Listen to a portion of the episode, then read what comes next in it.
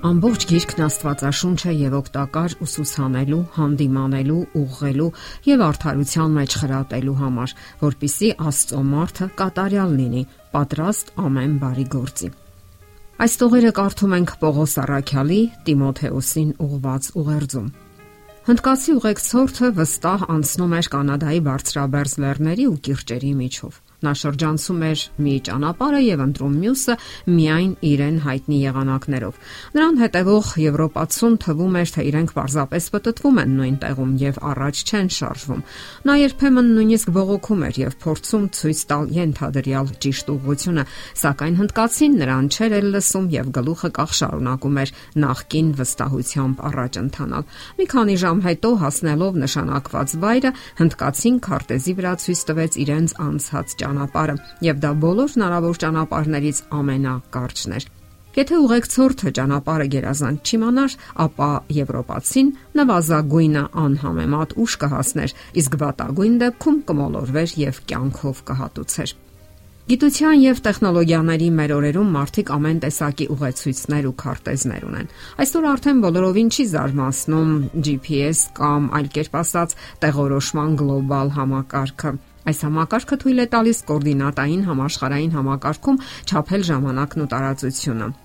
Համարյա ցանկացած եղանակի որոշվում է երկրի եւ հար երկրային տիեզերական տարածության ցանկացած վայրի տեղադրությունը, իսկ համակարգից օգտվելու համար հարկավոր է ընդհանրապես ժամանակակից հեռախոս կամ այլ ընդունիչ սարք։ Գոյություն ունեն այլ սարքեր եւս, որ օգնում են մարդուն կողմնորոշվելու ամենաբարդ տեղանքներում, հասկանալու հիվանդությունների բնույթն ու ծագումը։ Դրանք օգնում են մարդուն եւ թեթևացնում նրա կյանքը, սակայն դրանք չեն կարող բացատրել կյանքի իմաստն ու նպատակը եւ առավել եւս չեն կարող ուղղորդել մարդուն եւ ցույց տալ այն ուղությունը, որով պետք է շարժվի գտնելու Աստծուն եւ հավիտենություն տանող ուղին։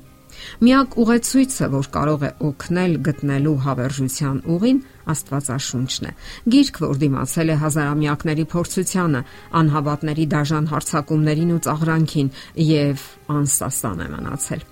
Բազմաթիվ ապացույցներ եւ ժամանակը եւս ցույց են տվել, որ այդ գիրքը Աստծուն ներկայացնող միակ եւ ճշմարիտ ուղեցույցն է, որ առաջնորդում է մարդուն դեպի հավիտենական կյանք։ Դա այն գիրքն է, որ արժանի է վստահության,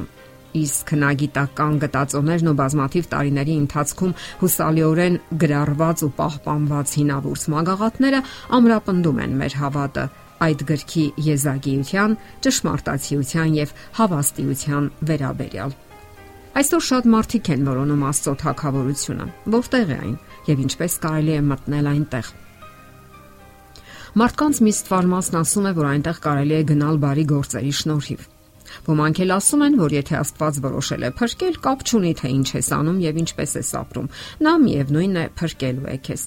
Սակայն գոյություն ունի Աստծո հավաստի խոսքը, որը պատասխանում է մեզ հուզող բոլոր հարցերին։ Երբ կարդում ես գիրքը, այն զարմացնում եւ հիացնում է շարադրանքի པարզությամբ եւ միևնույն ժամանակ խորությամբ։ Ողջ գիրքը ծննդոցից մինչև հայտնություն հենվում է միայն Աստվածային հեղինակության վրա։ Նույնիսկ նրա առաջին նախադասությունը սկզբում Աստված ստեղծեց երկինքն ու երկիրը, տեղ անգամ չի թողնում միլիոնավոր տարիներ տևած էվոլյուցիայի ենթադրությունների մասին։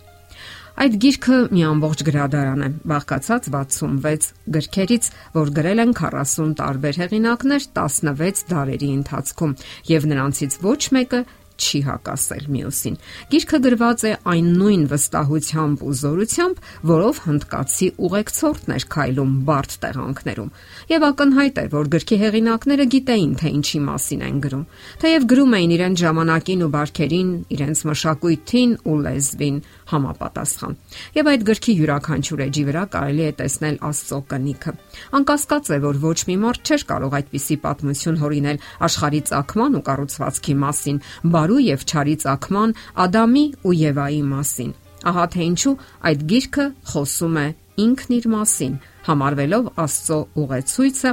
համարվելով Աստծո ուղեցույցը այս աշխարհում մոլորվածների համար։ Նրա էջերում մենք կարդում ենք հավիտենական առաջնորդության մասին։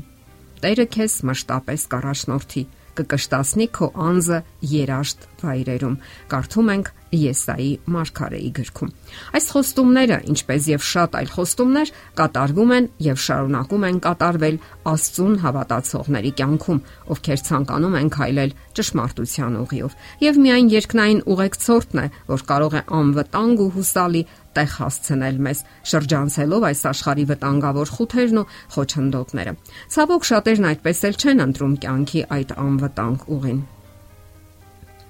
Շատերն են հիշատակում Աստվածաշնչի անհավանական զորությունը, որովհետև նրա էջերից խոսում է Սուրբ Հոգին։ Նա վերափոխում է մեր կյանքը։ Աստծո զորավոր խոսքի վկաներից մեկը Մարզիկ Օտուն է, ով ցակումով նիգերիացի է։ Օտուն մասնակցել է բազմաթիվ բարձրակարգ մրցույթների։ Այդ հիանալի մարզիկը գրում է. Առանց Հիսուսի եւ նրա խոսքի ես չեմ պատկերացնում իմ կյանքը Իմ հաջողությունների մեջ ես տեսնում եմ նրա ձեռքը։ Նա իմ կատարած ամեն ինչի ղեկավարն է եւ ավարտողը։ Հավատը շատ կարեւոր է ինձ համար։ Այն օգնում է, որ չկոտրվեմ կենսական բոլոր դժվարությունների ժամանակ։ Քրիստոնյան նույնպես կարող է խնդիրներ ունենալ։ Նա եւս իդեալական չէ, ինչպես բոլոր մարդիկ, սակայն հավատն օգնում է, որ նա ձգտի կատարելության եւ նմանվի Հիսուսին։ Ես հավատում եմ, որ իմ բոլոր երազանքները կիրականանան, եթե իսկապես մխիթարվեմ նրանով։ Դե ինչ կարդացեք Աստվածաշունչը։ Արաբ Դե ինչ Կարդացեք Աստվածաշունչը առավոտյան, երբ օրվա հոգսերը դեռևս չեն տիրել ձեր մտքին։ Երբ բացում եք ձեր կյանքի գրքի նորեջը եւ սկսում գրել ձեր տարեգրությունը։ Ուսումնասիրեք այն, մտորեք կարդացածի մասին Այնտեղ դուք կգտնեք հոգևոր խորհուրդներ ցանկացած իրավիճակի մասին եւ թե ինչպես պետք է վարվեք այս կամ այն խնդրի դեպքում եւ թե ինչպես պետք է վարվեք այս կամ այն խնդրի դեպքում չէ որ մեր կյանքը լի է հիմնախնդիրներով որոնք հաճախ պարզապես անլուծելի են թվում մեր սահմանափակ մարդկային մտքի եւ հնարավորությունների համար մեզ համար այո սակայն ոչ աստծո համար ով ունի ցանկացած հարցի լուծումը իր հավերժական խոսքի մեջ։ Եվ հիշենք քո խոսքը եւ հիշենք Սաղմոսերգուի Հիշենք նաև Սաղմոսերգուի խոսքերը. Քո խոսքը ջրակ է իմ ոտքերի համար եւ լույս իմ ճանապարհի համար։ Եթերում է ղողանջ հավերժության հաղորդաշարը։ Ձեզ հետ է Գեղեցիկ Մարտիրոսյանը։